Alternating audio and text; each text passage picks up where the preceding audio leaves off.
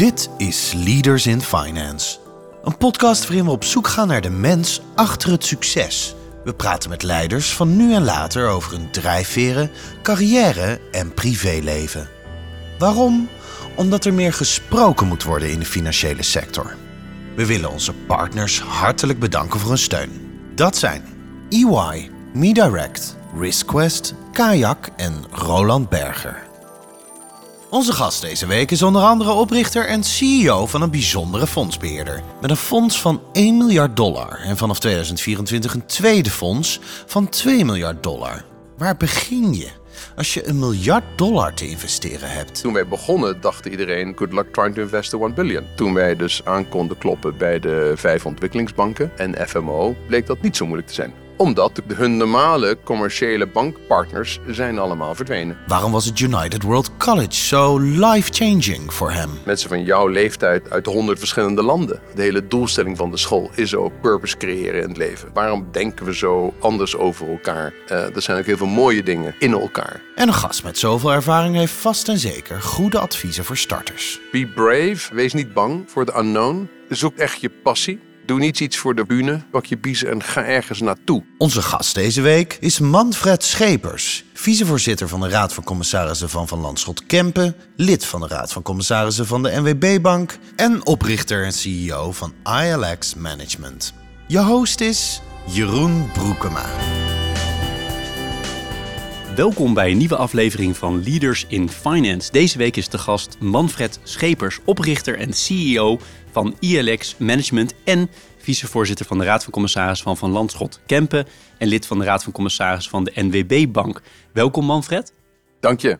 Hartstikke leuk dat je er bent bij Leaders in Finance hier in Driebergen. En traditiegetrouw begin ik eerst met het spellen van de naam van de gast. En dat is Manfred, M-A-N-F-R-E-D. En Schepers is S-C-H-E-P-E-R-S. Manfred is zoals net genoemd oprichter en CEO van ILX Management, een in Amsterdam gevestigd SDG-fonds voor opkomende markten. We zullen er straks ongetwijfeld veel meer over horen, maar bijvoorbeeld APG investeerde 750 miljoen dollar via het eerste fonds van ILX. Zo schreef APG in januari 2022 na de investering, quote, eh, Via ILX krijgen we toegang tot een gediversifieerde portefeuille van duurzame beleggingen in opkomende landen.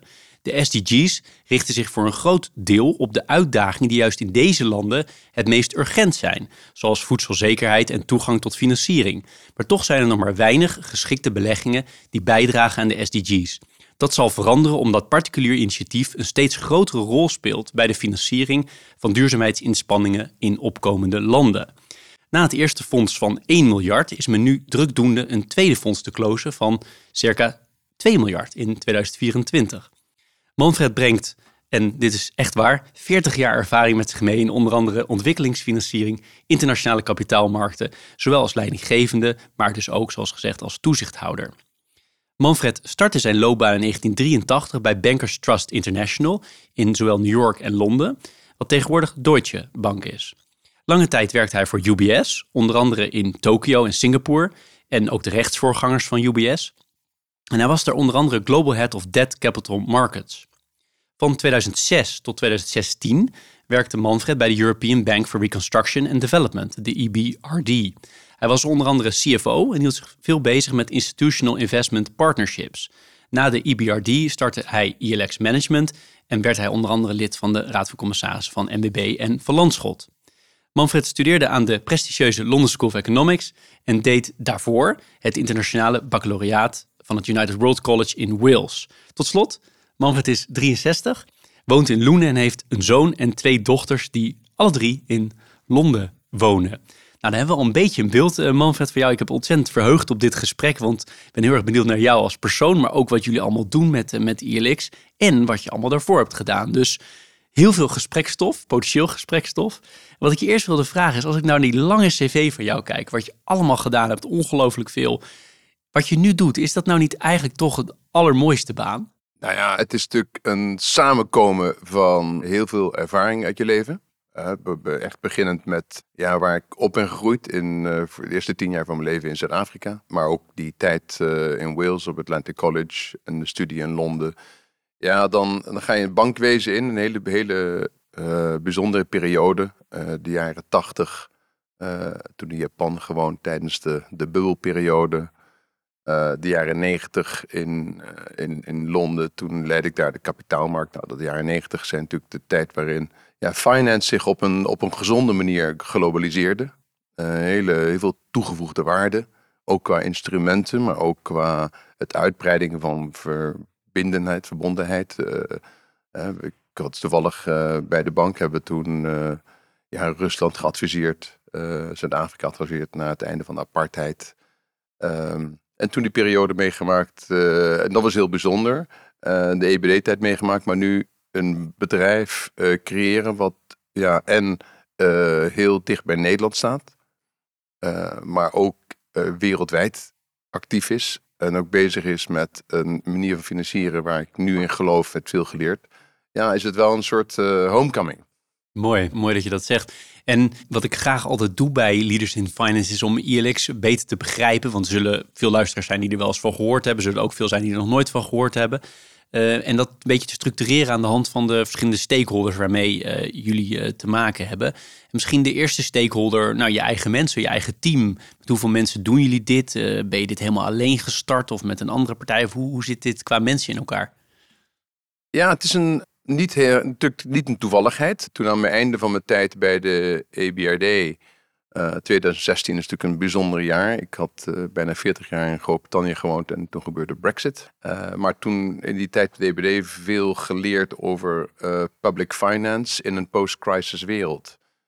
plus daarnaast, aan het einde van die periode hadden we ook het, de Addis Ababa SDG-articulatie, het Parijsakkoord. Uh, dus toen ik terug naar Nederland kwam in, uh, in de gesprekken uh, met, met vrienden.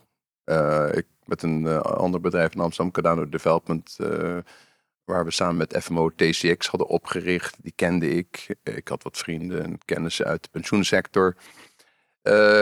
kwam het, is het begonnen letterlijk met een lange houten tafel.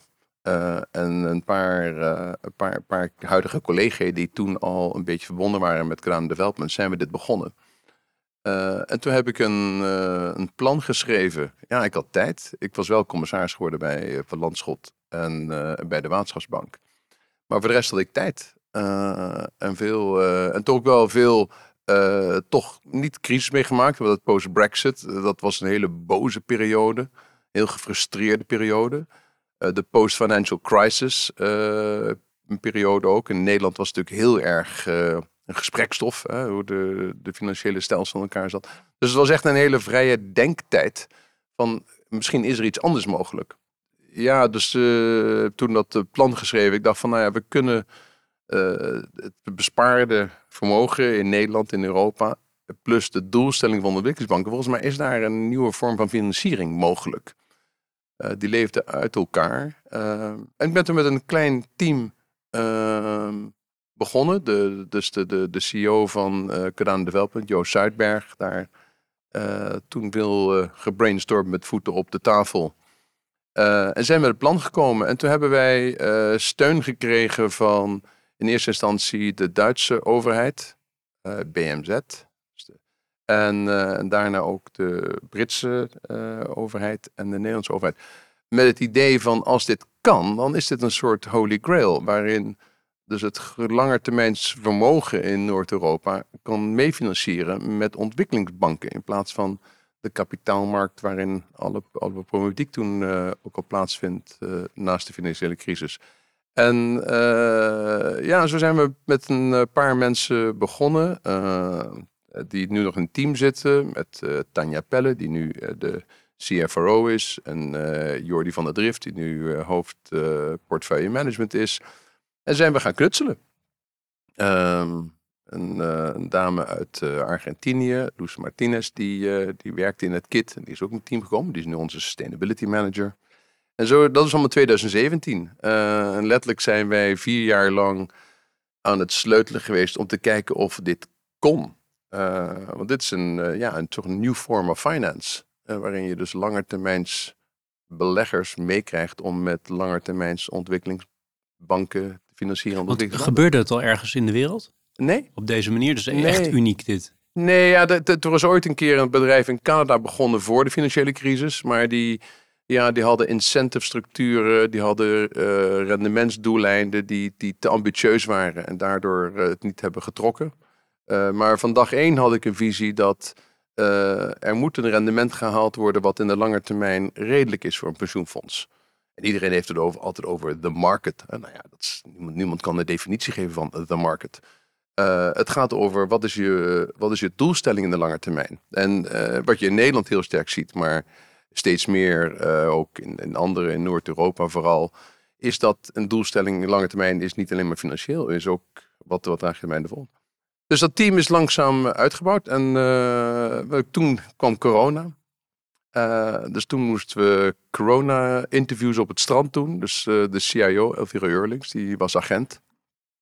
En eh, ja, die kon je niet. eh, we hadden interviews indoors was niet mogelijk. Dus eh Agent bij het ministerie van Financiën, even voor de duidelijkheid. Correct, ja, ja, Niet de politieagent. Ja, ja en eh, strandwandelend eh, elkaar gesproken. En toen zei ze ook van ja, als dit, als dit kan, dan is dat, een, is dat een mooie stap. Maar zij had ervoor bij FMO gezeten, dus die kende de wereld goed. En dan ook Kleiterp, die kende ik, de oude voorzitter van FMO. Die kende ik uit mijn EBRD-tijd. Dus die vond het ook een mooi plan. Die zei van, nou ja, als het je lukt, dan wil ik wel voorzitter worden. Dus die is voorzitter van de Raad van Commissarissen geworden. Dus het is een, ja, in zo'n zo'n periode van vier jaar dat je mensen die je nieuw kent of ook een beetje uit het verleden kent, eh, maar dat je een hele duidelijke purpose hebt waarin mensen het leuk vinden om erbij te blijven. En, het is- En hoeveel mensen doe je het nu?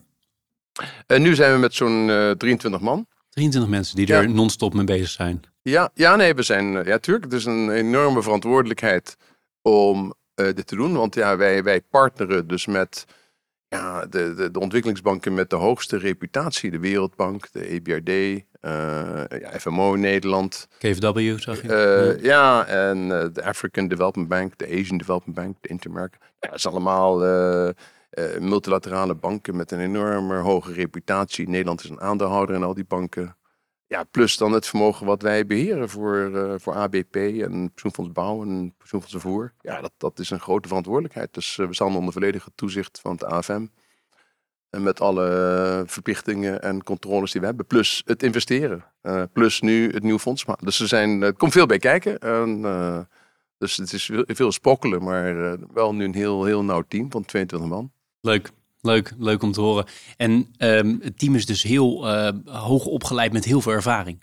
Als ik zo naar jou luister, een paar van die namen ken ik. Dat, eh, nou ja, je eigen ervaring breng je mee.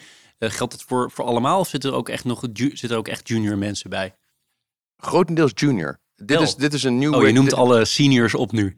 Ja, ja, nou ja, dus we, we letterlijk, we zijn toen begonnen eh, in januari vorig jaar, maar onze eerste, dat was letterlijk eh, de start. En onze eerste belegging was pas eh, mei vorig jaar. En we hebben begonnen met nou, een man of zeven volgens mij, ik weet.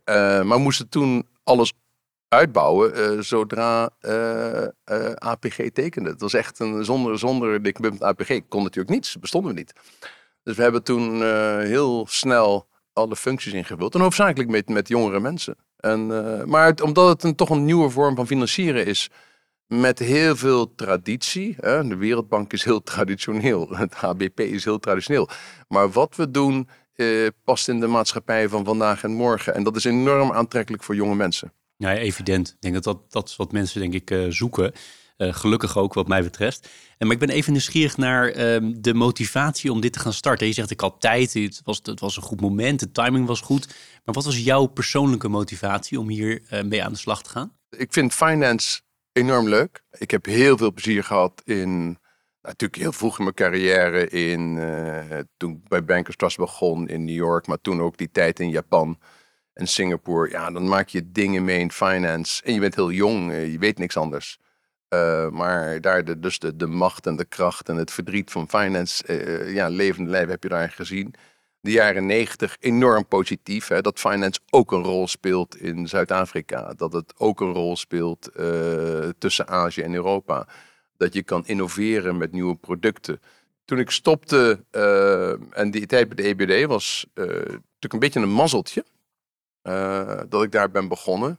Eh, en, want dat was net vlak voor de financiële crisis. Niet dat ik financiële crisis zag aankomen, maar het voelde al heel erg slecht. Ik ben toen bij UBS gestopt. Oh, we hadden een uh, diffusie gehad tussen SBC en UBS. Ik kwam van Swiss Bank Corporation en heb toen uh, ja, voor, voor bijna 14 jaar die kapitaalmarkt daar geleid. en ze hebben toen een grote slag in Amerika gemaakt. hebben daar Payne Webber gekocht. Uh, daar zaten binnen hypotheken-experts. Ja, dit, is allemaal, finance history. Maar de, uh, die, binnen Payne Webber zaten de, het hele team van Kidder Peabody, die ook de hypothekenmarkt hadden mishandeld in de jaren tachtig. Ik voel, het voelde gewoon heel slecht aan dat de dominance van de Amerikaanse markt, die hadden helemaal geen sympathie voor het feit dat wij hadden een hele mooie business opgebouwd in de jaren negentig met de creatie van de euro. We hadden kantoren in Milaan en Madrid en in Frankfurt en Parijs en in Johannesburg en in Dubai. Uh, ja, uh, we waren bezig met, met global finance op de manier waarop het moest zijn. We brachten landen bij elkaar. Australië en Europa, Japan en Europa, Afrika en Europa.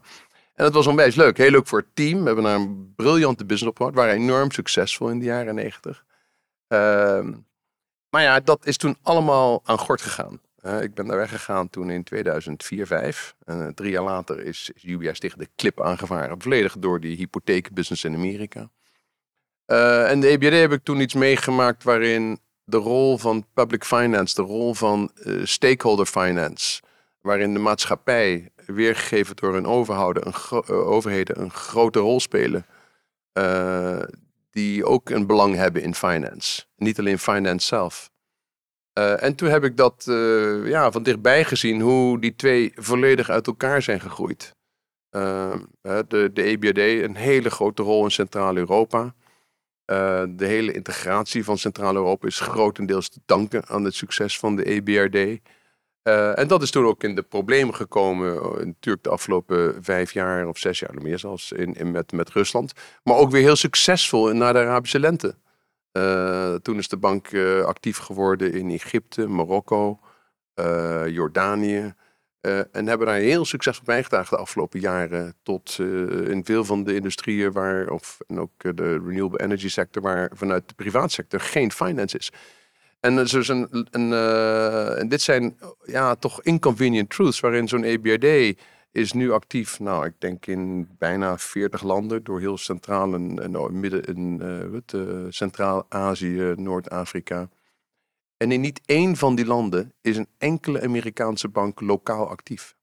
Dus je krijgt een totale disconnect, waarin wij dus de, de world of finance die wij kennen, obligatiemarkten, aandelenmarkten, helemaal gefocust op wat Londen en New York kan creëren. Maar de wereld van finance met betrekking tot waar het nodig is, totaal disconnected. Maar ook niet alleen de Amerikaanse banken vandaag de dag, ook de Nederlandse banken. Die hebben geen echte eh, lokale presence meer, maar ook niet de Duitse banken. En dus er is een totale disconnect. Uh, en terwijl ik voelde dat, uh, ja, vanuit mijn ervaring, dat, dat de, de, vooral de pensioensector, maar ook de sovereign wealth sector, dus die, die grote pools besparingen, die heel actief zijn in ook opkomende landen. De grote pensioenfondsen zoals APG, die hebben grote ervaring in, in, in opkomende landen, in aandelen, obligaties. Uh, naast het projectmatige investeren van zo'n ontwikkelingsbank, ik van, nou ja, die, die twee die passen bij elkaar. Het pensioenfonds moet meer uh, projectmatig gaan investeren in plaats van via uh, ja, de traditionele aandelen obligatiemarkten. Als het maar verantwoord kan met betrekking tot het langetermijnsrendement. Nou ja, daar hebben we toen dat design gehad. Dus het was echt een, een, een, een, een hele diepe geloof dat uh, wat, waar we mee bezig zijn, dat dat echt de aankomende decennia heel belangrijk gaat worden. Dit is Leaders in Finance met Jeroen Broekema. Ik wil eigenlijk zo weer terug naar mijn stakeholders, maar jij, jij verleidt me met zoveel interessante dingen om uh, subweggetjes in te gaan en te bewandelen. Nog even over die drive. Had jij uh, heel concreet, toen je bij de EBRD zat, al het idee van dit zou ik wel eens daarna kunnen gaan doen?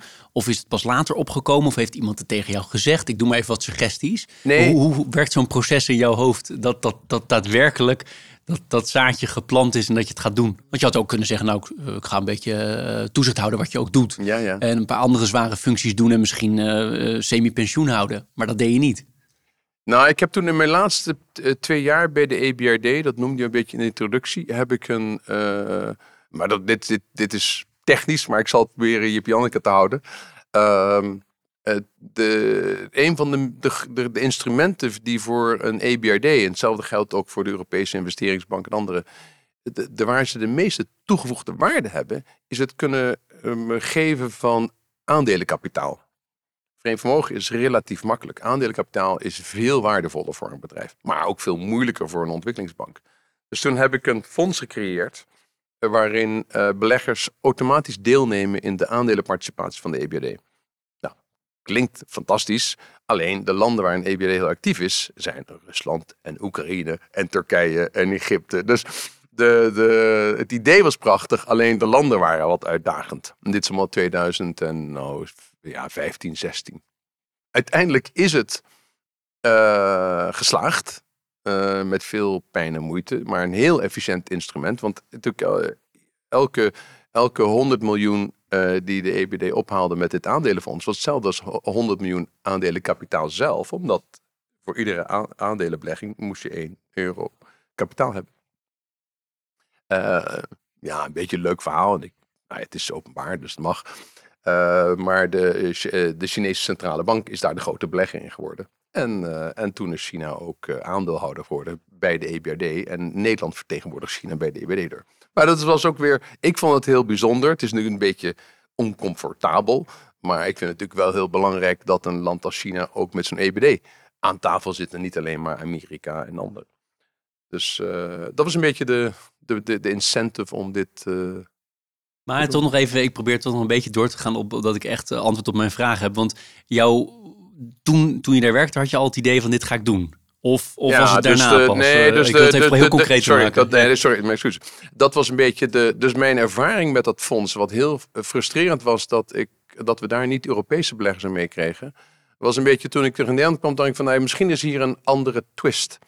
Uh, en toen uh, ben ik met het idee gekomen van oké, okay, aandelenkapitaal is het meest machtige financieringsvorm. Alleen, eh, ja, die risico's zijn daar te groot qua valutarisico en rendementsrisico. Als we nou hetzelfde doen, maar we gebruiken uh, projectfinanciering. Dat is de harde valuta projectfinanciering. Uh, de terugbetalingstrajecten zijn heel duidelijk. de, de, data van die asset class is niet openbaar, maar daar hadden we veel kennis van. Dus we konden makkelijker aantonen dat de asset die binnen de ontwikkelingsbanken lag met betrekking tot projectfinanciering beter paste bij de pensioensector dan het uh, aandelenparticipatieactiviteiten. Beetje technisch, maar dat is die keuze. Maar, maar, de, maar de passie om dit gedaan te krijgen, om dus die link te maken tussen langetermijnsbeleggers en public finance, uh, ja, dat zat heel diep. En uh, toen ik dat zag dat dat binnen Nederland gedaan kon worden, dacht ik van, nou, die gaan we pakken. En dacht je toen ook, ik krijg ABP, want natuurlijk de grootste partij is in Nederland op pensioengebied, krijg ze mee? Want dat krijg je niet zomaar voor elkaar. Zijn natuurlijk, iedereen wil graag in die pot van deze clubs. Het is een leuk, het is een leuk verhaal dat de, de presentatie en de termsheet die ik uh, in dat, uh, uh, dat, dat drie stappenplan wat ik schreef voor toen de, de Duitse ministerie en de pro forma termsheet van het soort fonds is uiteindelijk het fonds geworden wat we vier jaar later tekende.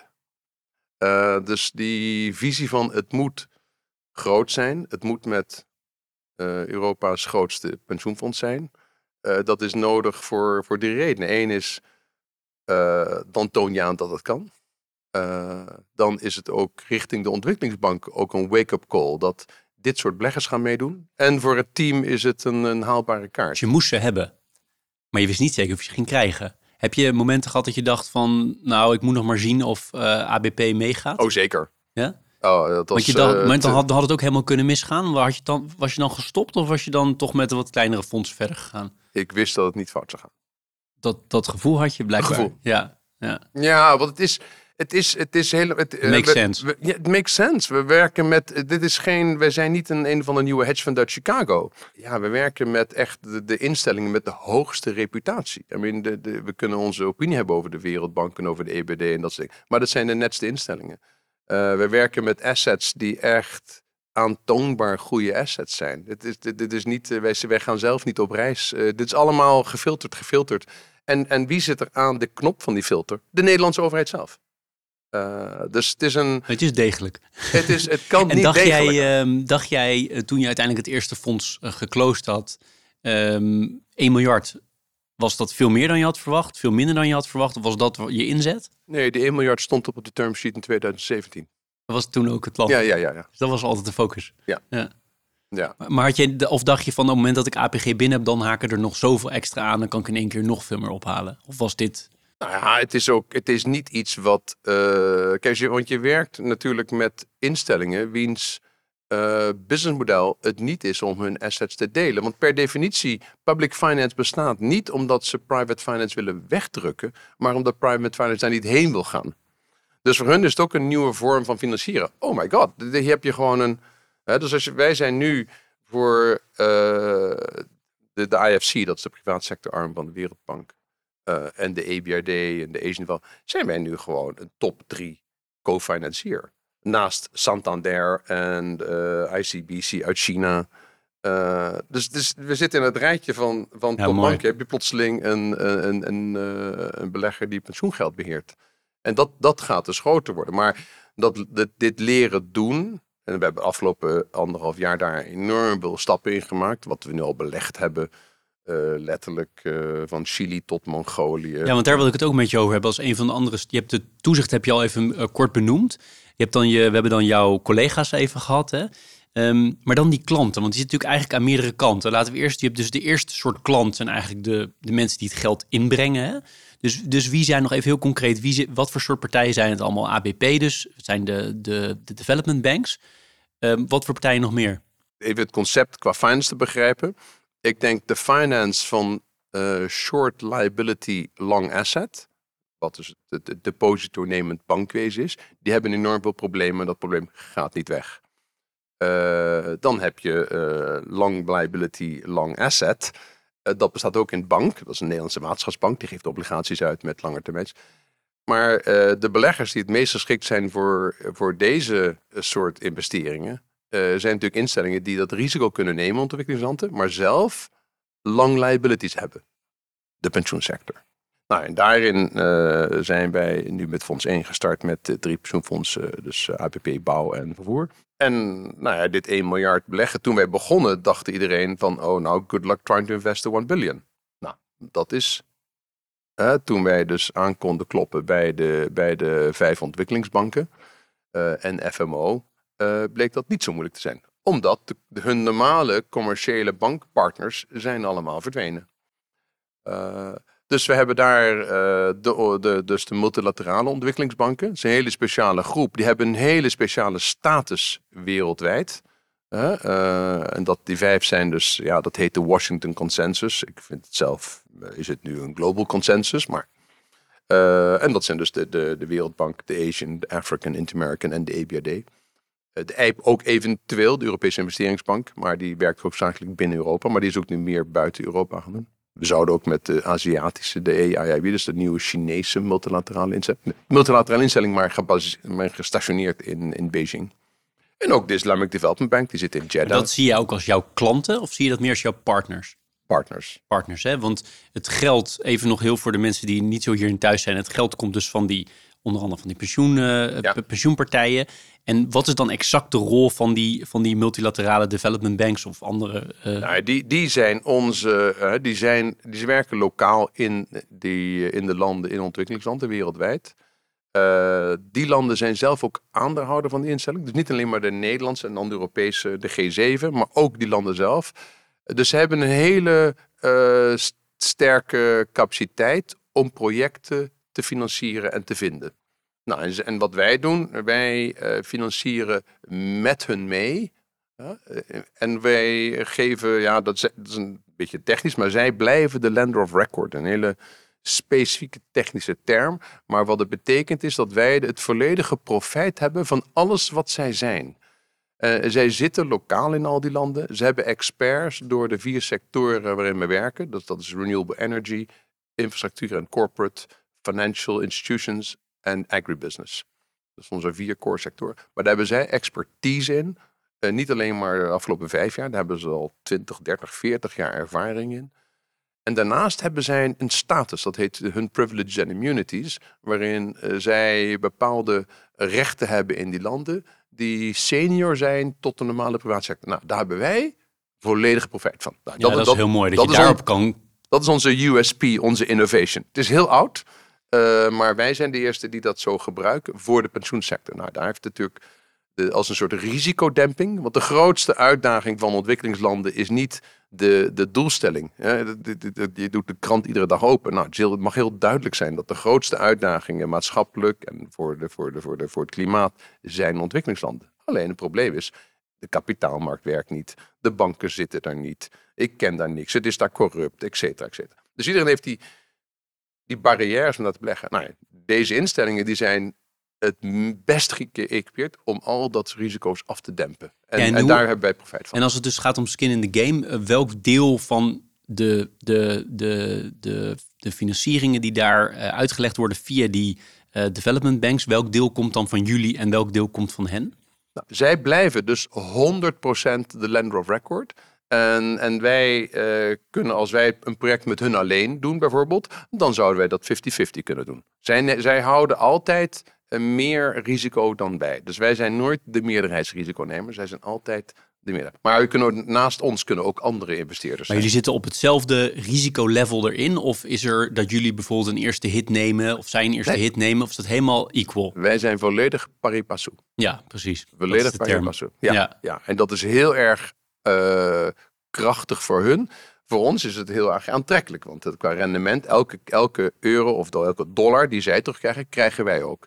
Dus zij, zij verrekenen ons eh, niets om dit te doen. Dan zouden jullie ook de meerderheid kunnen pakken via hen? Nou, nee, dat, vind- dat, vind ik niet, eh, dat vind ik niet goed. Ik vind dat, ik vind dat zij. de, kijk, ze hebben, ze hebben de volledige verantwoordelijkheid op de lening. Maar ik vind ook qua risico dat zij eh, meer, meer het steek moeten hebben dan wij. Dat vind ik gewoon plezierig en dat vind ik ook goed voor onze beleggers. En het geeft hen natuurlijk een enorm voordeel dat ze op deze manier de private sector op serieus, met serieuze kwantiteit aan geld meekrijgen. Kan ik me zo voorstellen. En waar, waar, waar zit dan de verhouding tussen ehm, dit is wat een overheidsinstelling moet doen en dit is wat de private sector misschien ook gewoon gedaan zou hebben zonder hen? Of is het evident dat de private sector hier nooit zou financieren zonder zo'n ehm, multilaterale instelling? Ik, ik denk natuurlijk, eh, de privaat, veel partijen in de zullen zeggen van nee, wij zijn veel slimmer, wij zijn sneller. Eh gaan nog niet werken via de bureaucratie van de ontwikkelingsbanken, die zijn traag. Da, ik geloof daar niet in.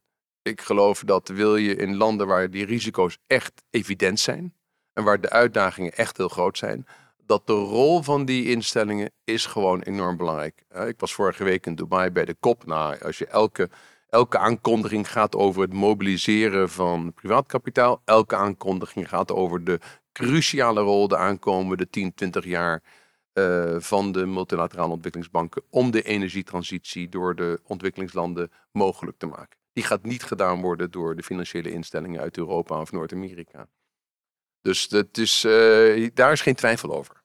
Hè? En de lokale kapitaalmarkten in ontwikkelingslanden, ja, die lopen gewoon achter. Eh, Kenia en, en Egypte, die hebben niet zo'n pensioensector als Nederland. Eh, ja, dus dan kun je zeggen van ja, laat, ze- het lokaal maar financieren. Nee, dat, gaat niet. Dus die hulp hebben ze nodig. En het, maar als het op een manier gedaan worden waar het gewoon rendabel is, eh, met die risicoafdekking, is denk ik dat het een hele schaalbare en verantwoorde investering is. En ben ik ook nog nieuwsgierig naar Ben. Hè? Je hebt dus die, die enorme pot met geld. Die op een bepaald moment ga je die, eh, ga je die uitzetten bij die verschillende eh, partijen. Kijken jullie dan ook daadwerkelijk nog naar, naar het project? Of is het gewoon dan uit jullie handen? Zij zijn land of record. Zijn jullie puur het fonds van het fonds, zeg maar, van de funds? En wordt, gaan zij dan investeren? Of kijken jullie ook echt inhoudelijk mee op die projectfinanciering? Nee, wij kijken, het, het- ons model, en daarom is het zo eh, nieuw en ik denk daardoor heel schaalbaar. Eh, wij kijken naar, zij bieden ons dus projecten aan en wij doen een eh, volledige bankaire analyse van die projecten en maken daar keuzes op. Eh, we zijn nog relatief jonger, maar het afgelopen jaar hebben we 172 projecten geanalyseerd, waarin we zo'n 40 zullen beleggen. Ja, dus we Oh, hebben, zijn heel kritisch we- erin dus toch we- wel? Dus we hebben zo'n 135 projecten om verschillende redenen eh, afgewezen. En worden die dan alsnog wel gedaan door die bank? Ja, zeker. Dat wel. Ja, elk project wat ze ons aanbieden, gaan zij doen. Wat is de hoofdreden dat jullie afwijzen? Het niet past binnen jullie vier criteria, binnen jullie vier focussectoren? Of is het echt risicoafwegingen? Ja, dat ook, maar ook vaak uh, risicorendementsafwegingen. Uh, wij zijn een, een fonds voor onze beleggers in ontwikkelende landen, emerging markets. Dus ja, wij zouden in theorie ook een project kunnen doen in, in Polen. Dus, en, dat zijn hele mooie projecten. alleen als het rendement daar te laag is, dan, dan doen we het niet. Nou, we hebben ook onze limieten natuurlijk. Wij, er zijn, je, je kan je voorstellen, in, in, in, in, landen zoals uh, Turkije. Uh, er zijn gewoon landen waarin heel veel gedaan wordt. En wij hebben natuurlijk onze limieten op, op sectoren en landen waarin we niet overheen kunnen. Word je vaak geïnformeerd over de status van de, van de uitzettingen? Want hoe lang zijn de gemiddelde looptijden?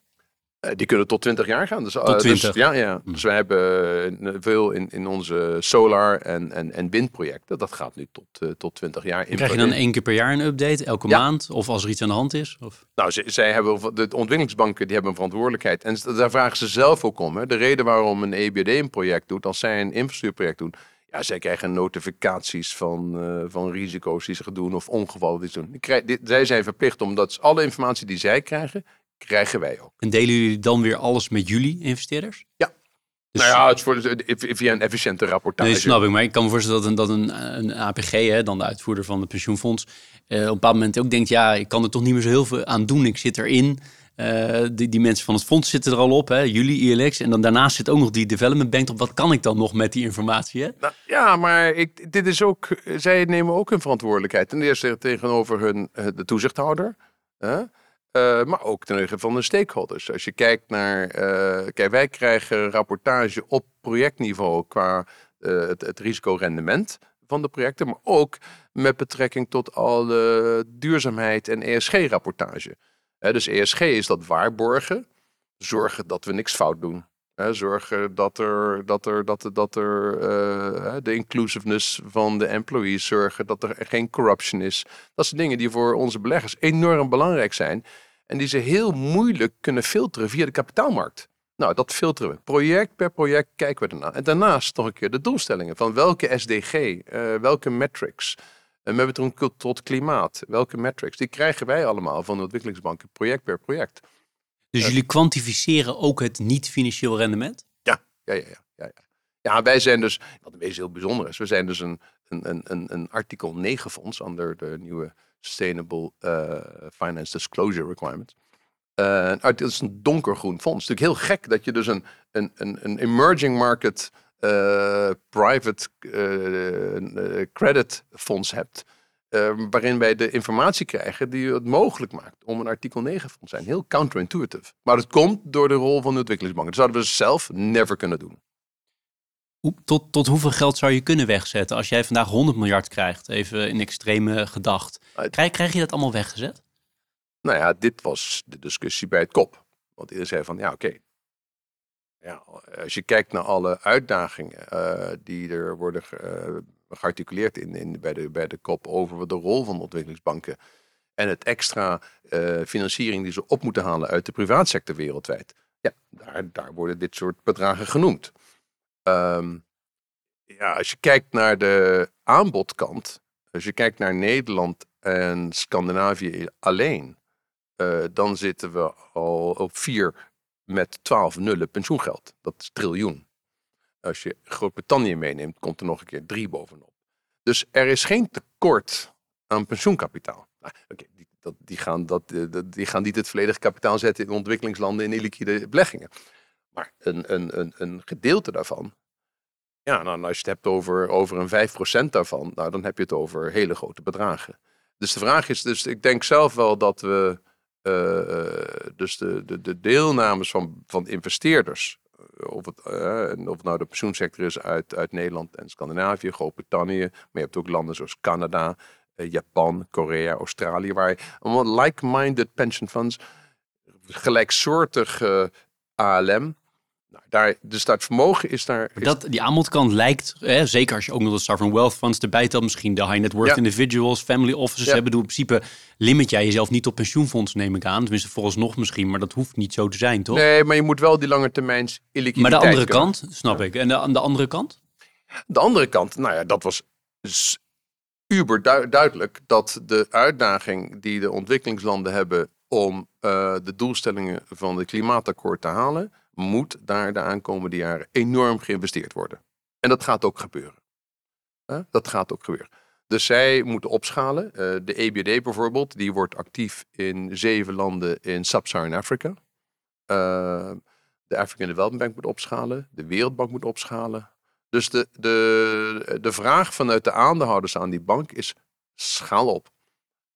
Zorg dat je efficiënt met privaat kapitaal samenwerkt. Hè? Dus dat het, dat, dat het aandelenkap- aandelenvermogen niet alleen maar van de aandeelhouders komt. Dat er ook risico wordt genomen op een pari passu basis. Hè? Dat vindt dus de, de, de, bijvoorbeeld de Nederlandse overheid enorm belangrijk. Dat er dus op een gelijk.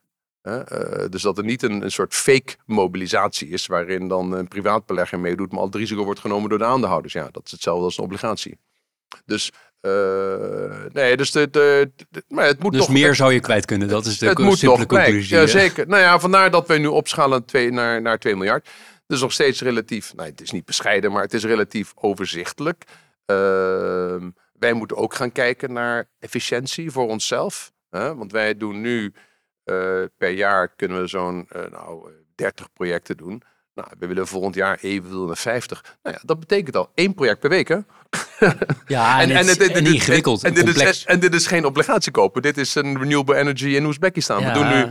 en we doen een waanzinnig mooi project in, eh, in Bangladesh.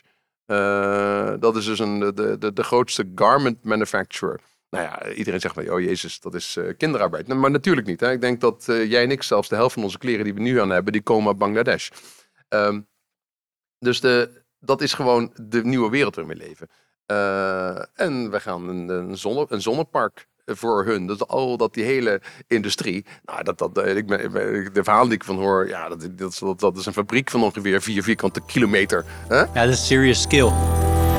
Je luistert naar Leaders in Finance met Jeroen Broekema. En ik ben nog heel even nieuwsgierig, want daarna wil ik ook even door naar nog een paar andere dingen. Maar ik kan het toch niet laten. Hoe lopen ze tot nu toe, die investering? Want je eerste investering is nu iets meer dan een jaar oud, denk ik. Ja. Grofweg. Ja, Eh, nee. Zijn er al dingen die, eh, die niet goed lopen? Komt al het rendement terug? Eh, wat, wat zijn de eerste ervaringen? Nou, we hebben nul, nul impairment, zoals het heet. Eh, we hebben wat, wat upgrades en wat downgrades gehad, maar dat is, dat is heel normaal. Nee, maar verder is dit, ja, ja ik wil niet... eh, nee, kloppen, laat het want dan afkloppen. wordt- Precies, dat is niet goed voor de podcast. En, en denk je, ik suggereerde het net al even, maar denk je dat je het veel breder zou kunnen openstellen? Zou je ook een, een, een lange termijn visie hebben waarvan je zegt, het zou leuk zijn als we wat kunnen afzakken naar bijvoorbeeld wat, wat family offices die niet zoveel kapitaal hebben als misschien eh, eh, ABP, maar die misschien eh 10, 20 miljoen inleggen. Eh, maar misschien zelfs nog verder. Zou je ook kunnen voorstellen dat als ik eh 10.000 euro over heb, dat ik ook zou mee kunnen doen? Zie je dat eh, op de lange termijn een optie zijn voor dit soort fondsen? Nee, ik, ik zie dit niet als een. eh, eh, eh, wij zijn niet een, een, een- een financial institution die succesvoller willen zijn. Om, eh, wat, waar het om gaat is, we moeten opschalen. Dit opschalen is onvoorstelbaar belangrijk. En ook een hele leuke uitdaging. Eh, want we zien dat die opschalen komt uit, eh, nou, misschien een totaal een tiental partijen à la, IFC en Wereldbank. Misschien komt de andere bij. Er komen misschien wat andere grote investeerders bij. Maar het gaat ook enorm om over efficiëntie. Eh, dus, eh, en efficiëntie brengt ook iets met zich mee wat voor, de, voor onze investeerders heel belangrijk is. Lage kosten. Ja, dat, dat was ook van dag één, was dat de visie. Onze kosten moeten heel laag zijn, want anders eh, krijg je een partij als APG niet mee. Dus, Nee, tegelijkertijd willen ze ook veel data. Ook voor hun eigen verslaglegging, richting toezichthouders, richting stakeholders, hun fiduciaire rol. Want je zou ook kunnen zeggen, nou, het is gewoon een, we halen alleen maar geld op. We zetten het daaruit. En je hoort het wel, maar dat kan natuurlijk niet. Maar dat zou verreweg efficiënter zijn. Het wordt nu feitelijk door twee partijen steeds bekeken. Door meerdere, of zelfs nog meer, maar in ieder geval twee. Ik even, even een beetje de beweging maken naar, eh, naar jou. Want ik kan hier nog uren over praten. Ik vind het ongelooflijk boeiend. Ik vind het ook ontzettend knap over dat je, hoe je dit van de grond hebt gekregen. Maar ervaar jij, zie jij jezelf nu als ondernemer? Voelt het als ondernemer, dit, dit bedrijf, deze organisatie opzetten? Of voelt het toch als semi-ondernemen? Nou ja, het, nee, het voelt als ondernemen. Maar de fase waar ik in mijn leven zit, eh, ben ik natuurlijk niet meer een ondernemer. Uh, maar ik voel me enorm verantwoordelijk. Um,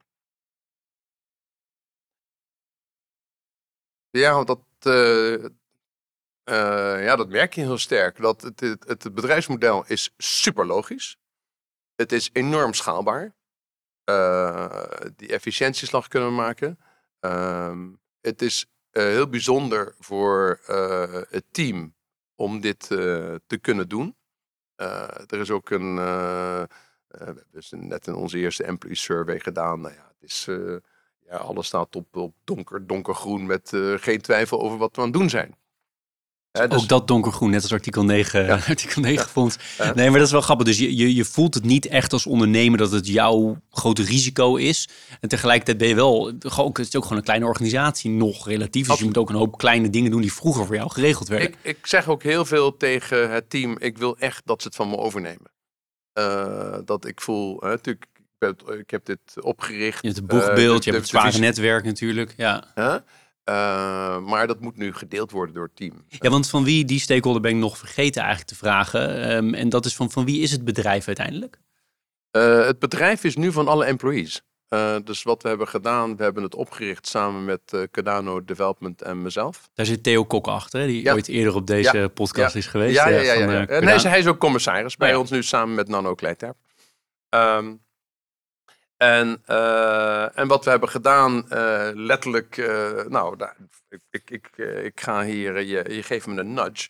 Ik ga onze, onze general counsel vragen, want de, deze week moeten alle employees hun tweede betaling maken voor hun aandelen. Maar dan vanaf einde van deze week is het bedrijf volledig in handen van, van de werknemers. Plus, plus gedaan development als de medeoprichter met mezelf. dat is ook de visie erachter geweest om dit in ja. handen van de. En waarom is dat zo? dat is ook via. Oh, omdat nou, ten eerste die kostenstructuur. Uh, en ook, een, ik heb uit mijn, ja, dat, dat is een beetje mijn ervaring uit de jaren negentig, waarin uh, mijn, uh, mijn tijd bij, bij, bij UBS en bij Swiss Bank Corporation, natuurlijk was er een, een bonusstructuur. Maar die zag ik na de millennium volledig uit de klauwen lopen. Ik ben daar toen ook weggegaan in 2000 en 2004, 2005 en bij de EBD succes meegemaakt van een instelling zonder bonuscultuur. Die gewoon uh, ieder jaar gewoon heel goed werk leverde van 2006 tot 2016. Dus één ding dat ik van, uh, bij dit uh, bedrijf, wij gaan geen bonuscultuur hebben. En, en ook geen performance fee, want dat zag ik ook, dat, dat gaf hele gekke incentives om een performance fee te geven. Dan ga je dingen doen omdat die vandaag goed lijken, maar morgen ben je dan weg. En, dus ik zei, van, van, dag één was er geen performance fee. Uh, en ik zei, de, de alignment of interest voor alle stakeholders komt als alle employees uh, aandeelhouder zijn. Dan, dan gaan die hard werken voor alle stakeholders. En dat is, dat is breed. Hè? Dat is niet alleen maar de beleggers. Helder. Als we naar jou, naar jou zelf kijken en we gaan even helemaal terug. je, je gaf al aan, je bent opgegroeid in Zuid-Afrika. Daar ben je ook geboren of ben je nog elders geboren? Nee, ik ben geboren in Doorwerth. Mijn vader was huisarts heel jong, uh, met drie jonge jochies. En uh, die had het gehad met dokter mijn vingerbloed. En die zijn met, met de liner vanuit Southampton zijn we met vier koffers naar Natal afgereisd om daar dokter te worden. Ik niet, maar mijn vader. Ja. En hoe oud was je toen, toen je daar aankwam? drie. Drie, dus je herinnert je door het niet meer. Het was nee, Afrika is je eerste, zijn je eerste herinneringen. Ja. ja. Hoe was het leven daar als kind? Ja, uh, ja heel bijzonder. Ja, familie. Uh, twee oudere broers. Nou, die, die houden je bezig als je, als je een klein jochie bent. En je was de eh, derde? ik was de derde. Ja. En dan en een zusje, een nakomertje. Oh ja. En je moeder, was die, die jullie gingen als gezin of? Ja, nee, die, die hield het, het zaakje draaiende. Dus de drie, de drie, de drie jochies en, en mijn zusje. heb je nog een herinnering uit die, uit die eerste tien jaar die heel erg bijgebleven is, daar in Zuid-Afrika? Uh, nou, niet specifiek. Wel de, ja, de, de, de, de natuur uh, het, het, en ook wel de intimiteit van de familie. Ja, want daar ben je natuurlijk heel erg op gefocust dan. Ja. Nog meer dan dat je hier op een Nederlandse uh, basisschool zou gaan. Eh, ja, uh, beide Opus Noma's zijn volgens mij één keer geweest toen. Maar die moesten ook met, uh, met, met de boot komen. Of die zeggen toen we eerst, we eerste vliegtuig gingen. Toch een beetje. Maar het was, ja, dus was, je was echt toegewezen, en mijn ouders ook, op, op elkaar. Dan ging je naar een Engelstalige school? Ja. Met kinderen van Shell en dat soort dingen? Nee, of juist, nee, nee. hoor. Wij, wij eh, eerst in Natal, wou, eh, ja, dat was, dat, dat was eh, een heel klein dorpje waar mijn vader de dokter was. En die is toen daarna gaan, is hij gaan specialiseren in het, het grote schuur in Kaapstad. En te hebben in een buitenwijk van Kaapstad. Dus ook gewoon op een lokale, lokale school, de Green School. Dus je hebt altijd, je sprak thuis Nederlands? Ja. En daar En- allemaal Engels? En daar allemaal Engels. ja. Ja, ja. En hoe Ja. ging het verder toen na, na Zuid-Afrika? Eh, ja ik herinner me toen eh, zijn we één jaar, mijn vader was nog, eh, zijn we teruggegaan naar Nederland. Want wij moesten naar een middelbare school. En zij wouden ja, niet in die toch ook een beetje apartheid tijd eh, ons Zuid-Afrikaantjes laten worden. Moet je naar zo'n school, moet je gaan rugby en cricketen. Nou, En welk jaar hebben we het nu over? Dan Dat is 19- 1970. 1970, ja. En toen zijn we teruggekomen. En ja, ik sprak natuurlijk heel slecht Nederlands. En eh, de, de leraar sprak me aan. Ik ging meteen opstaan en werd hele- door de hele klas uitgelachen. En dat soort, dat soort dingetjes. Dat is niet leuk. Nou, nee, nou ja, nee, ik, het, het was prima. En ik ben toen, eh, eh, toen zijn we naar Twente verhuisd. Mijn vader is toen, toen hij specialiseerde, is, is hij daar, daar anesthesist geworden. En toen heb ik, hebben daar gewoond. En ja, ik was, voor mij was het altijd toch een beetje nieuw. Ik was niet een, een klassiek hockeyjochie en dat soort dingen. Dus toen eh, ik deed ik padvinderij. Nou, dan, eh, ik was daar natuurlijk de enige die dan een beetje deed. Ehm, en, eh, en, en toen ben ik via een lokale vriendin, die een vriendinnetje was van mijn broer, die kwamen toen met het foldertje van United World College in Wales thuis. En toen, mijn broer was al te oud. En die zeiden van, daar moet je even eens mee naartoe. Want ik was, ja, gewoon, ik, ik sprak goed Engels en ik had belangstelling uit die tijd nog steeds. Eh, en mijn ouders zeiden, ja, je, meld je maar aan. Je wordt toch niet aangenomen, dus eh, zoek het maar uit. Waarom was dat de instelling? Je wordt er Nou niet ja, aangenomen? Je, je bent, je bent derde zoon en eh, je hangt er een beetje bij. Eh, maar ja, toen werd ik wel aangenomen. En, en dat is life-changing geweest. Ja, waarom? Ja, je wordt daar geconfronteerd met continu leven met ja, mensen van jouw leeftijd uit, uit honderd verschillende landen. Hè. ik had een kamergenoot uit Japan en eh, Australië en Denemarken. En ja, je hebt allerlei nationaliteiten om je heen. Je bent echt op jezelf aangewezen. Je komt eraan, je kent niemand. Eh, dus, Was ook eh, eenzaam? nou, ik denk misschien de eerste nacht. Eh, Valt mee.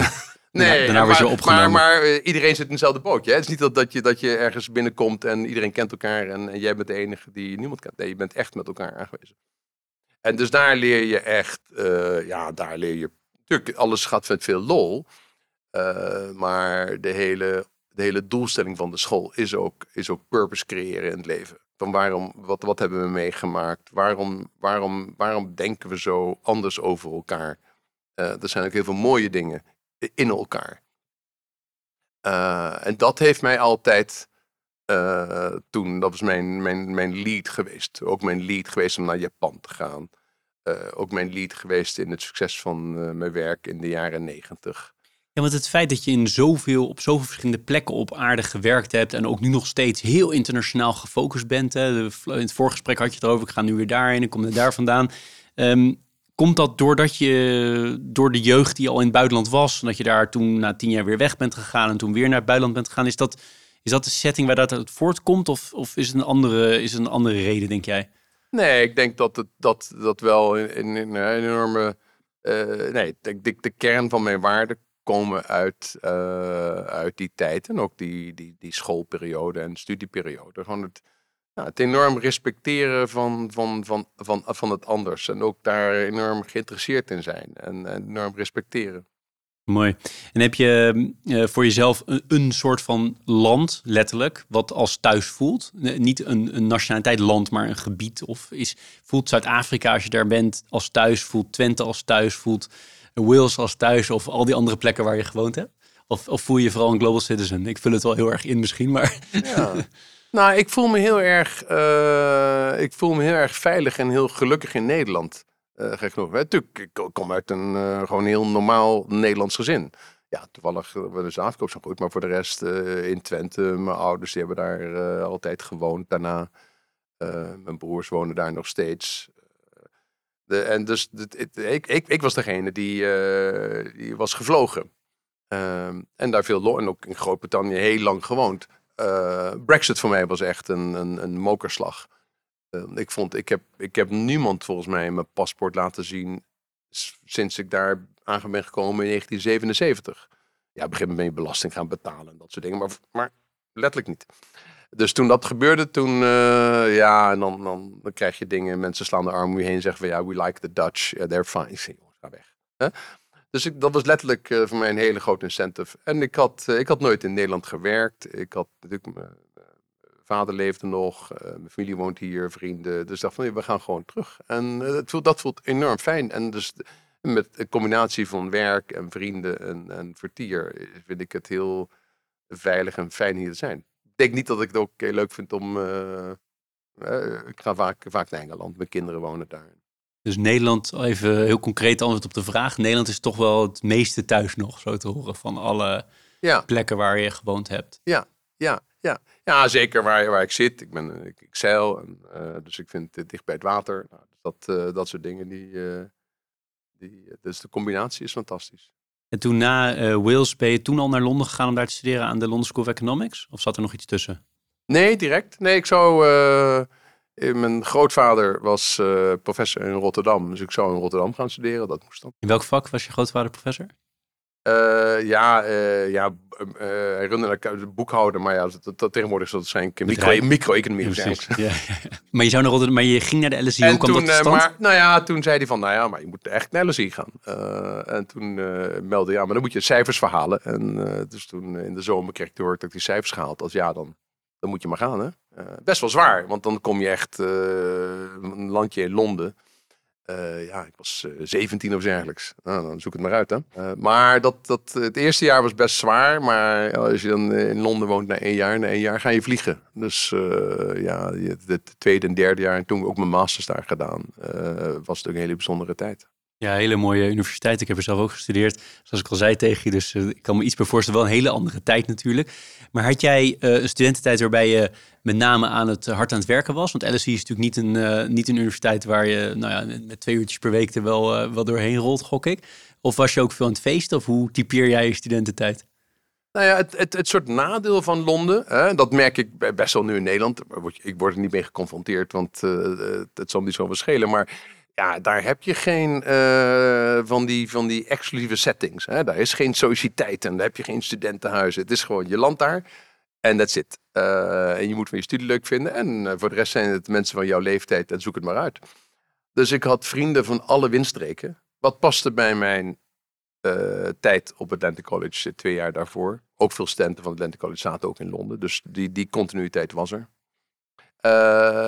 Ja, en ik vond de studie heel leuk. En iedereen is daar ook toch wel om te studeren.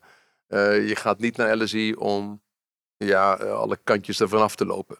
Eh, en ja, natuurlijk, en, de, je hebt een tutor, Willem Buiter, die daarna bekend econoom werd. Ook bij de EBD is hij nog econoom. Die was mijn mentor.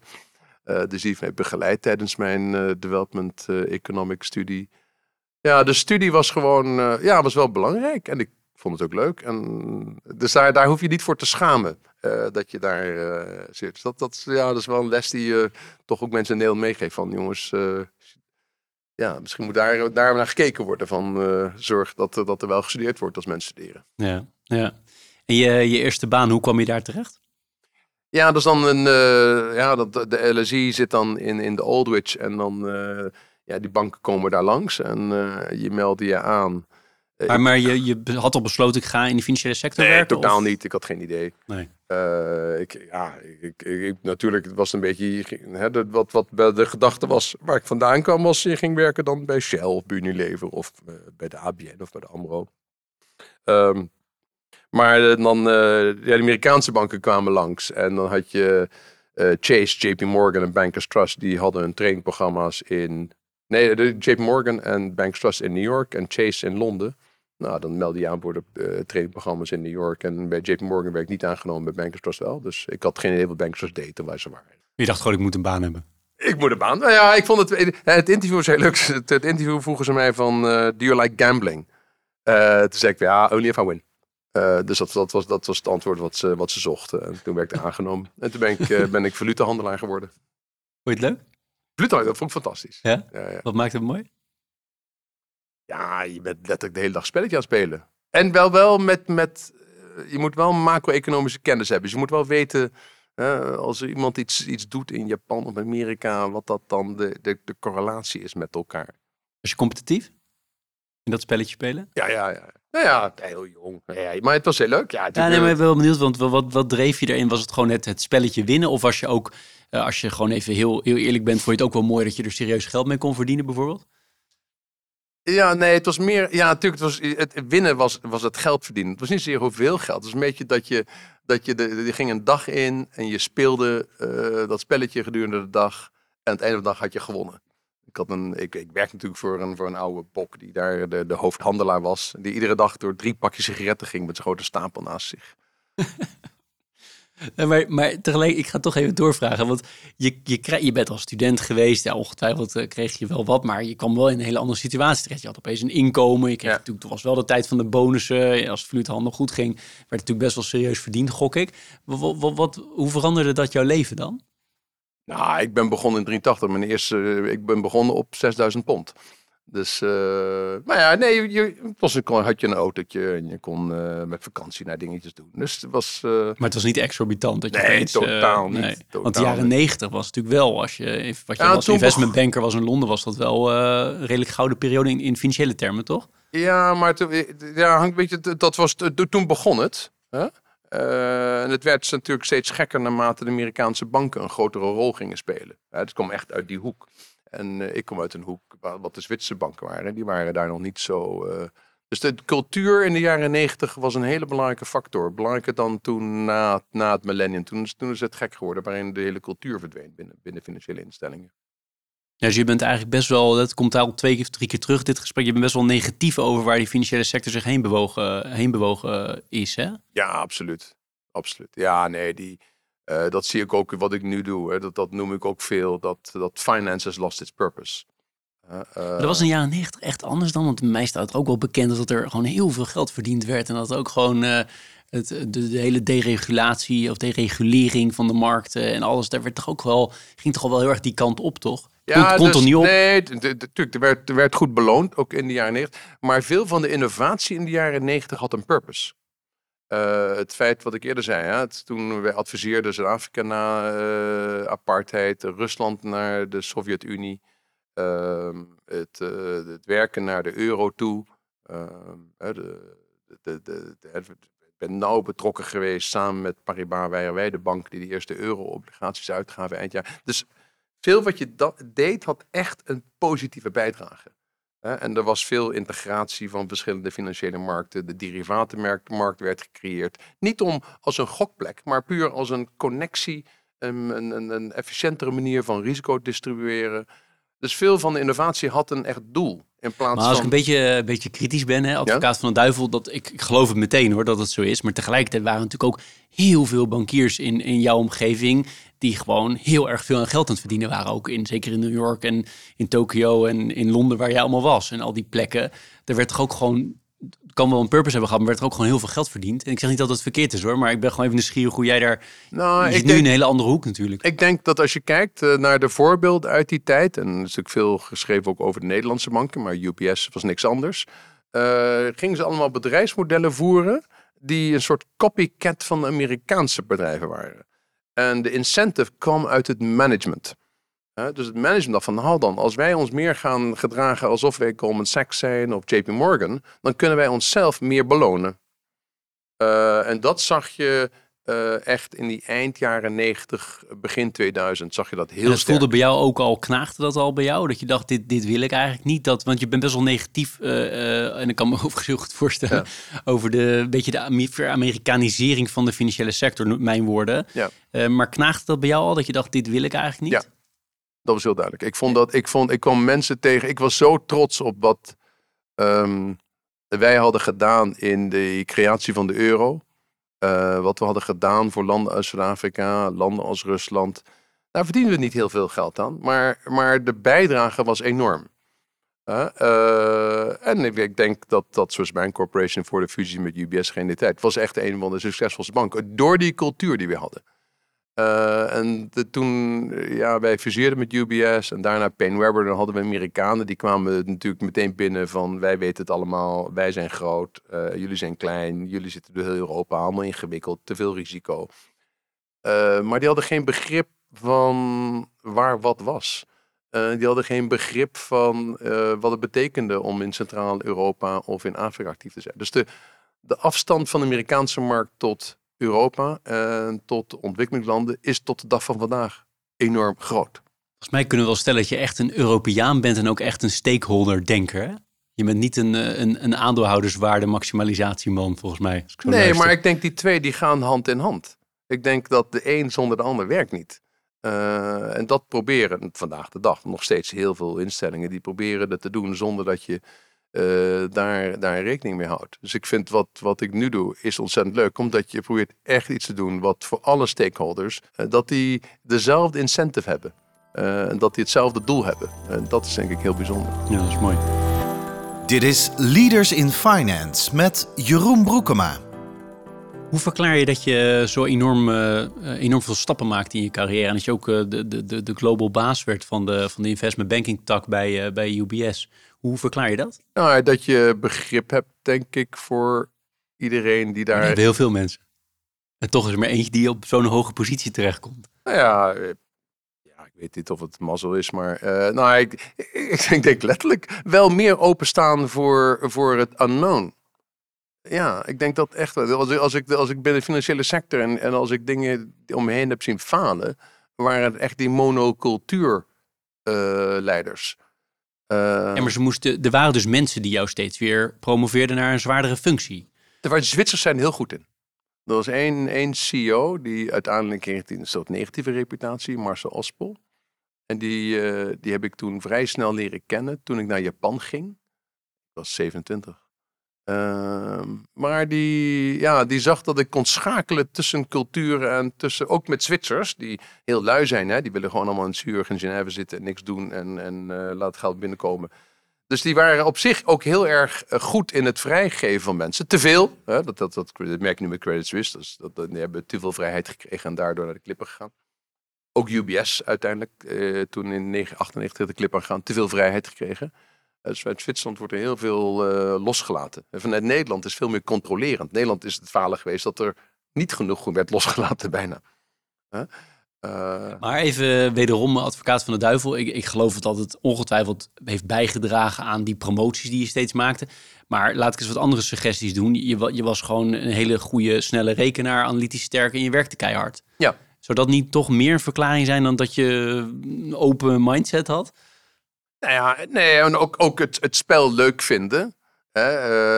Uh, ik vind het heel leuk uh, om een, iets nieuws te doen de hele tijd. Dus, en dat is natuurlijk, als je in de, in de kapitaal-financiële markt werkt, is dat heel waardevol.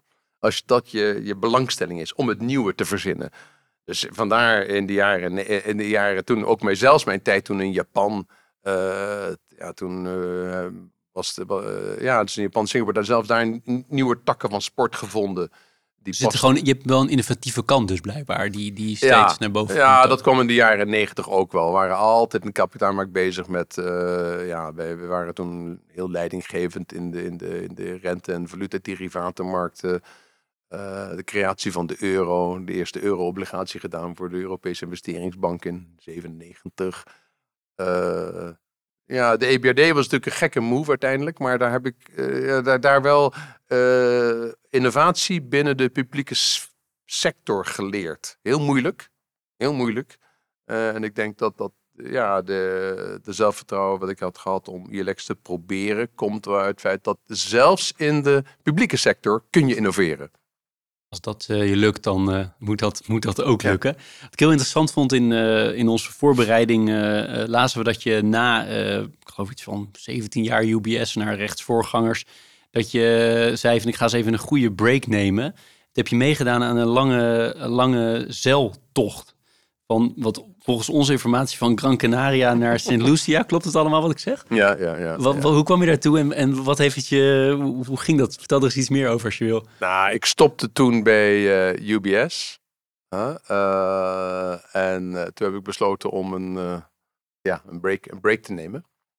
Uh, en niet meteen weer naar. Uh, want het was, het, was, het was op zich wel traumatisch. Hè? Je, je werkt in een sector met heel veel passie. De jaren negentig enorm veel passie en, en ook succes. En dat zie je dan een beetje fout gaan met die culturele omzwaai. Dus daar weggaan. Ik ben dus samen met een partner. wij runnen met tweede business.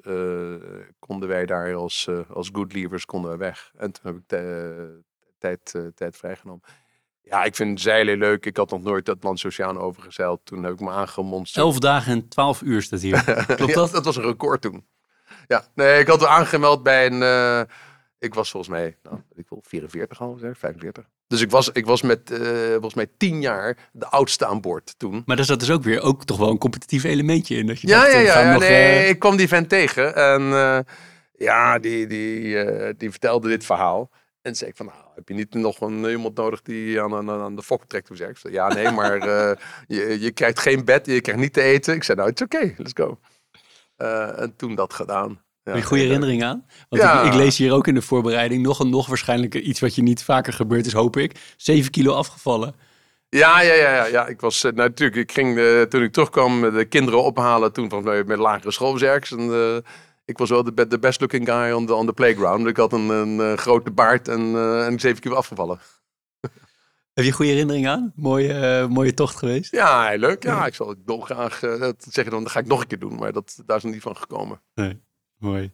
Hoe heb je uh, altijd je, je privéleven gecombineerd met zulke zware banen over de hele wereld?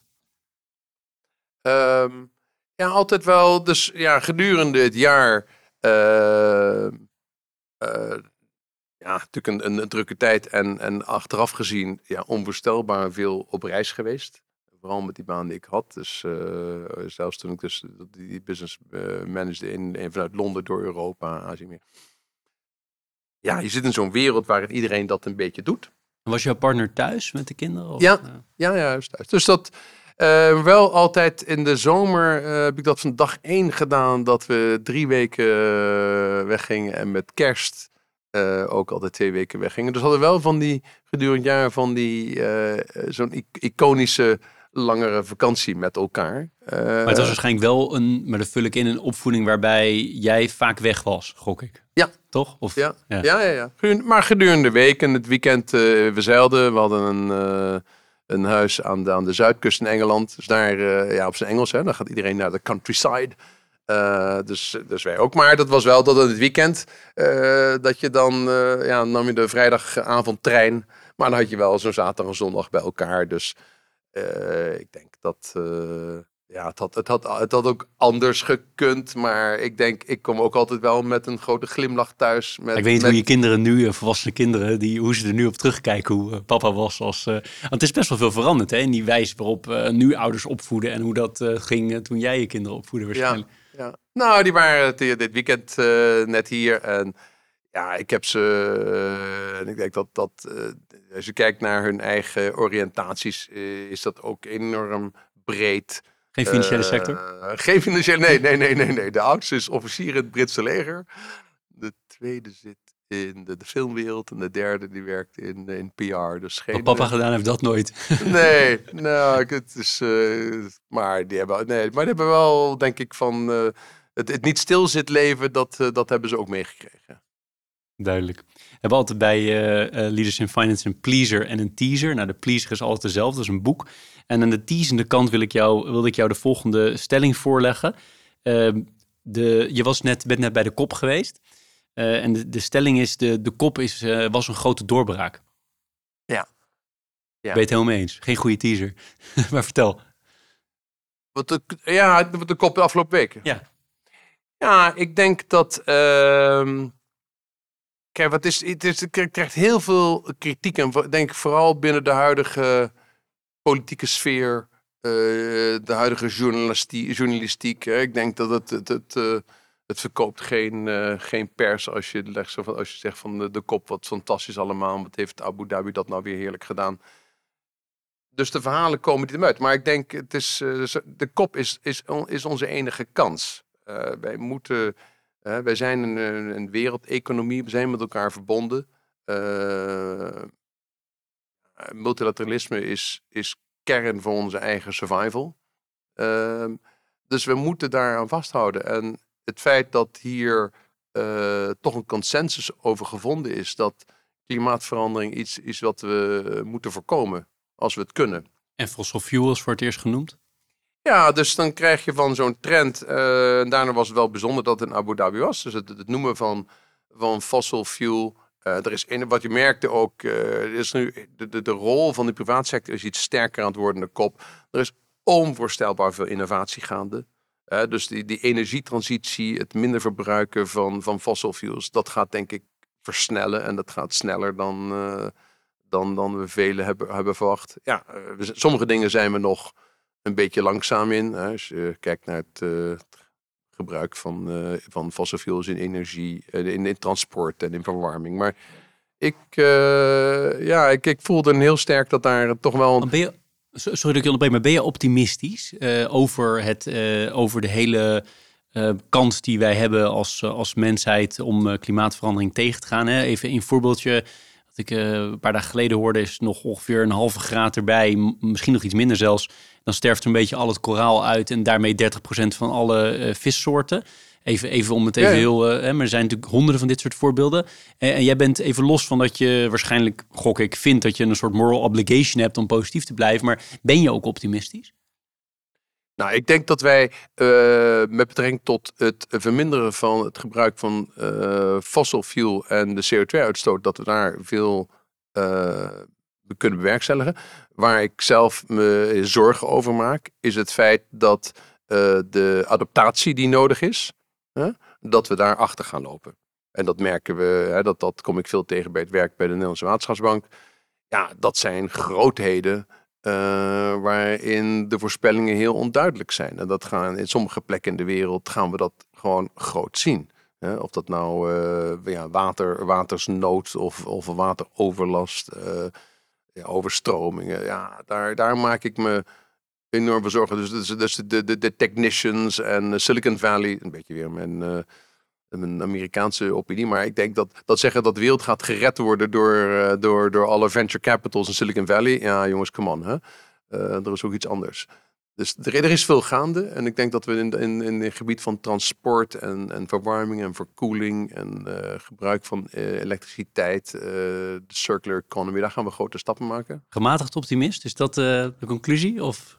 Ja, ja. Jij denkt wel dat, het, dat we uiteindelijk met grote rampen te maken krijgen, in mijn woorden. Maar tegelijk dat we er wel doorheen komen als mensheid. Ja, ik maak me de grootste zorgen is over uh, de, de, de politieke stroming die dit tegen kan gaan. Omdat wij gaan, uh, dat zie die, nou ja, Nederland nu voor het eerst, maar, maar ook nu wat er gaat komen in Amerika en Engeland. Ja, uh, we moeten wel sacrifices maken. ja, en als, als we een politiek krijgen die dat niet accepteert, ja, dan, dan word je negatief erover. Aan de pleasende kant, uh, lees je graag en heb je misschien een bepaald boek wat je zou, zou willen delen hier, waarvan je denkt dat uh, is leuk, dat zegt iets over mij? Nou, ik ben een enorme uh, persoon van de wereld. Dus ik, ik heb, daar hou ik me enorm mee bezig. Dus ik ben een enorme lezer van de, de, de now en the future. Dus uh, ja, ik, ik verslind The Economist en, en, Financial Times. Een beetje zo, als je in Londen hebt gewerkt zo lang, dan, dan kom je in een soort wereld waarin, waarin je dat... Maar ik vind het ook leuk. Uh, het, het, heeft uh, heel veel te maken met mijn dagelijkse werk. Daar word ik van wakker. Um, als ik tijd heb om te lezen, dan, ja, dan vind ik de wereld van, van espionage en ex-Rusland en Bill Brower en dat, dat soort boeken. En ik heb ik ga nu week vakantie. Ik heb een boek gekocht over Colditch, waar mijn grootvader heeft gezeten, van uh, Ben McIntyre. Dat, dat soort dingen. Het, is een beetje, uh, het, zijn geen, zijn geen verhalen. Het is een beetje uh, stories of the past die relevant zijn voor de toekomst. En, en voor de rest veel lezen over de, de, de now and the future. Mooi. Leuk. Ik, uh, ik heb alle gasten bij Leaders in Finance, ik geloof uh, iets van 150 misschien, maar jij wel de 150, dat moet ik nog eens checken. Um, dezelfde vraag gesteld, namelijk heb je bepaalde tips voor mensen die nu starten op de arbeidsmarkt, misschien wel in de financiële sector? Nou, ik denk uh, hè, wat ik zelf heb meegekregen van, van mijn ouders is echt just, just love your passion. Ja, finance ingaan naar, naar LSE. Nou, dat, dat, dat, dat, dat was heel ver weg van waar, waar mijn ouders vandaan kwamen. Nou ja, dat is een beetje mijn, mijn eigen pad geweest. En maar als ik dat zie, hoe ik het heb, mijn werk heb uitgevoerd in de jaren negentig, toen, toen we die, die New Bank Corporation opbouwden. En, en nu ook. Be brave. wees niet bang voor, voor, voor de unknown. Wees ook, zoek echt je passie. doe niet iets voor de, voor de bühne wees open op voor het vreemde ook. Een beetje dat, uh, pak, je, pak je biezen en ga, ga ergens naartoe. Uh, ik zie veel omheen, heb ik in Londen ook meegemaakt van, uh, van die jongeren die, ja, die kwamen uit een soort prefab wereldje. Dat zie ik in Nederland ook veel om me heen. Kom dan zeg ik, ja, dat, dat gaat niet worden. Durf dus uit je, nou, een beetje uit je comfortzone te treden. Ja, en, en, en, en, en leef je passie. Hè? Wanneer had jij dat? Dat je het gevoel had van nu zit, zit ik echt op mijn passie. Is dat eigenlijk nu pas in je huidige rol of had je dat al bij je eerste baan?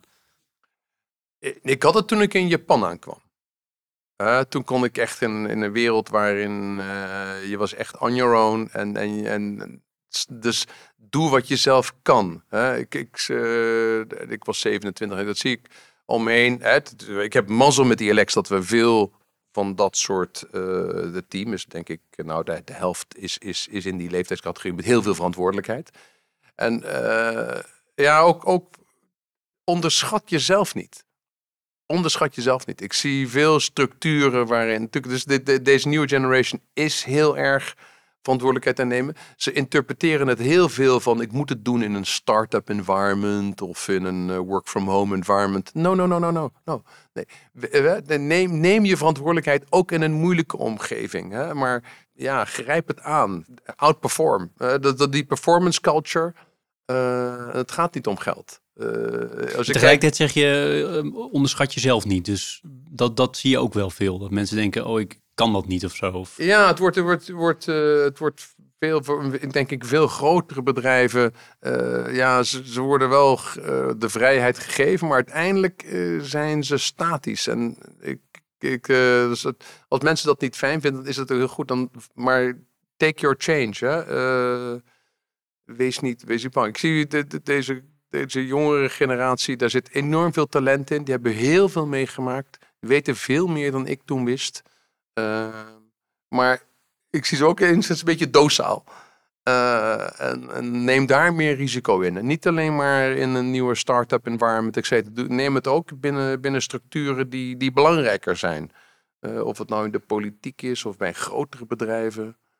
Ja, want uh, om even de brugje te maken. Jij hebt er ook voor gekozen om bij twee belangrijke Nederlandse, financiële instellingen van Landschot Kempen en de Nederlandse Waterschapsbank om daar commissaris te worden. Wat was daar de motivatie achter om dat te gaan doen? Nou, ik zat toen, uh, ik was natuurlijk de, de, de vicepresident CFO bij de EBRD. Eh, wou terug naar Nederland komen.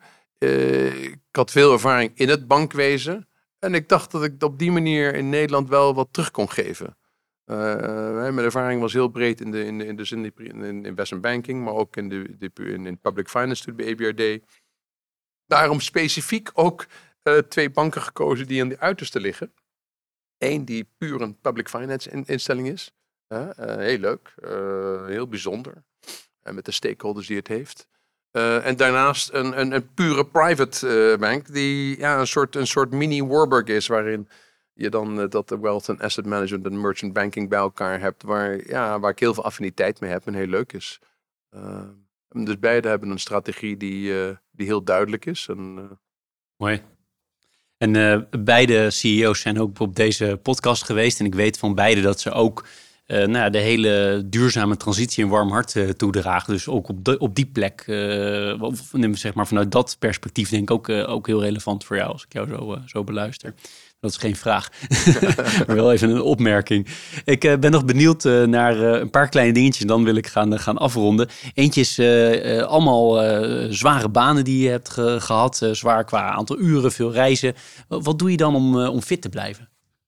Zowel fysiek als mentaal.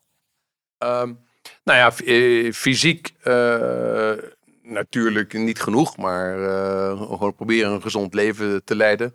Uh, ik zeil met veel plezier. Uh, dat doe ik in, in Loosrecht op een hele mooie oude Pampus. Uh, die daar, dat is de reden waarom ik daar, daarmee gaan wonen. Uh, en fiets vrij veel, niet genoeg. Maar wel al nu al drie keer van Cornwall naar, naar Schotland gefietst. Ga ik volgend zomer weer doen met een maat van me. dat is wel een stukje. Ja, ja, ja, ja. ja, dus dat zijn van die iconische dingen. En die blijf je maar doen ja, tot je het niet meer kan. En ja, hopelijk maar dat gewoon door blijven gaan. En dat doe je dan voor, voor negen dagen. Maar dan bewijs, je aan je, bewijs je aan je lichaam van, ah, dat lichaam dat is nog wel oké. Huh? Uh, een beetje, dus het is meer ja, af, en toe, af, en toe, af en toe een beetje een gooie dreun geven. En dan daar wordt alles weer wakker van. Ja. Wat zou je even de, de wereld na ILX, zo'n bepaald moment, je gaf wel ergens aan, hè? ik wil proberen het zo mogelijk ook over te dragen. Zie je jezelf nog heel lang dat doen? Of wat voor soort dingen zie je jezelf verder nog doen, zakelijk of privé, of allebei? Nou, ik denk dat ILX met de, de visie die, die, die we hebben met elkaar, uh, en ook denk ik de logica uh, erachter, dat ik daar heel lang uh, ja, een bijdrage aan kan leveren.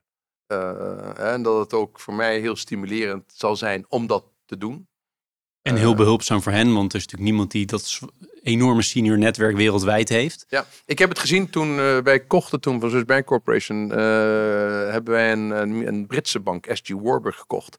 En die hadden ook zo'n zo'n kader van, uh, van vice chairman. En ja, een daarvan was uh, eh, 93, Lord Roll. Maar ja, dan, dan ging hij mee naar relevante meetings. En had hij echt, echt oh, heel scherp 30 jaar is dat... Ja, ja, ja, ja. ja.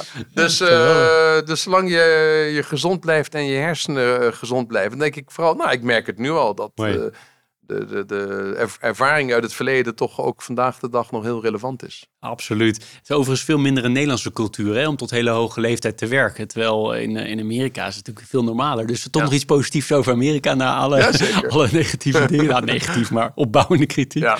Uh, en zie je jezelf, uh, heb je voor, je voor jezelf in privé dat je zegt, nou dat zou ik nog echt wel, als ik die kans krijg, dan, uh, dan doe ik dat? Nou, ik denk voor mij is dit een nieuw hoofdstuk. Ja, dat is letterlijk uh, een paar jaar, twee, drie, toen ik terugkwam uit, uit Engeland. Uh, dus ik ben nog heel, heel, heel pril in, in dit hoofdstuk. Het is heel leuk om, dat, om die kans te krijgen, zo late in life. Om, om toch een soort iets heel nieuws op te bouwen. met een, ook een, een persoonlijk leven eromheen. Dus dat is heel fijn. Leuk. Laatste vraag van mijn kant. Ik heb je ongelooflijk veel mogen vragen. Je hebt heel veel gedeeld uh, op deze podcast. Maar is er nog iets waarvan je zegt, ja Jeroen, ik vind het toch wel echt jammer. Kijk, er zijn natuurlijk heel veel dingen die ik ook nog had kunnen vragen. Maar nogmaals, ik heb wel veel mogen vragen. Uh, maar is er nog iets waarvan jij zegt, nou Jeroen, dat had, je, had je echt moeten vragen of dat wil ik graag nog delen? Nou nee, we hebben echt heel veel, heel veel aangeraakt. Ik denk dat ja, dat de, de, de... Nou, twee, twee dingen. Eén is, ik ben nou betrokken bij het, het Scheepvaartmuseum in Nederland. Uh, dat, dat vind ik ook een heel, ja, heel fijn, omdat het, dat, dat ben ik ook nu volgend jaar weer klaar. Dus ook weer acht jaar dat ik daar voorzitter ben van het, van het Compagniefonds. Maar dat, van, dat, heb, dat is heel bijzonder voor mij geweest om dat te kunnen doen. En om die, ook, die link van die historie en de toekomst en de vandaag bij, bij, elkaar te halen. Dus dat, dat is heel fijn geweest. Ja, en daarnaast de lange rol van dat hele United World College, waar ik natuurlijk op school heb gezeten. Maar toen nou ben betrokken geweest met het, het, oprichten van de school in Maastricht. En, en ook de nieuwe scholen in, in Armenië en Japan. Ja, dat is wel, ik ben bestuurlijk nou, 15 jaar bij betrokken geweest tijdens mijn, mijn carrière. Dus dat heeft wel ook die leidraad versterkt om dat openheid en, en de belangstelling in het vreemde uh, de hele tijd vast te houden. Ik hoop dat uh, Nederland ook wat open blijft richting de wereld. Maar dat is mijn persoonlijke mening die jij ongetwijfeld zal delen. Want dat kan hier en daar krijg je het gevoel dat het nog wel eens een meer in, ingekeerde, uh, ingekeerd land aan het worden is. Dus dat is. ja. nou ja, dat, dat vind ik met zo'n ILX ook, ook giga belangrijk. Hè? We hebben nu, nou, we zijn met zo'n 23 man. Volgens mij zijn we nu 16 nationaliteiten.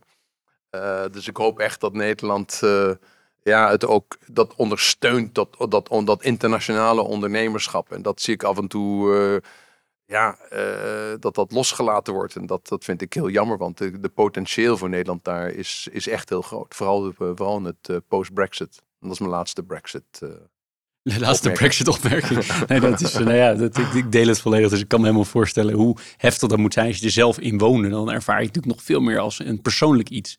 Manfred, ik wil je heel hartelijk bedanken voor al je tijd die je hebt genomen voor mij voor Leaders in Finance. Uh, ik was luisteraar nummer één. Ik heb het ongelooflijk uh, boeiend gevonden. Heel veel aantekeningen gemaakt. Op heel veel dingen kunnen, kunnen vragen. Hebben jou ook iets beter leren kennen. Hebben ILX Management heel veel beter leren kennen.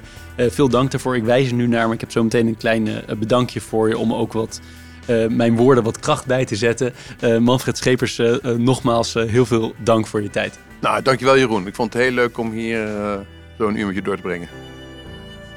Dit was Leaders in Finance. We hopen dat je deze aflevering met veel plezier hebt beluisterd. We stellen je feedback erg op prijs. Wat houdt je bezig en over wie wil je meer horen? Laat het weten via een Apple of Google review. Dat kan ook via de sociale mediakanalen of direct via een e-mail. We kunnen het enorm waarderen als je dat doet. Tot slot danken we onze partners voor hun steun. Dat zijn EY, MeDirect, RiskQuest, Kayak en Roland Berger. Tot de volgende Leaders in Finance en bedankt voor het luisteren.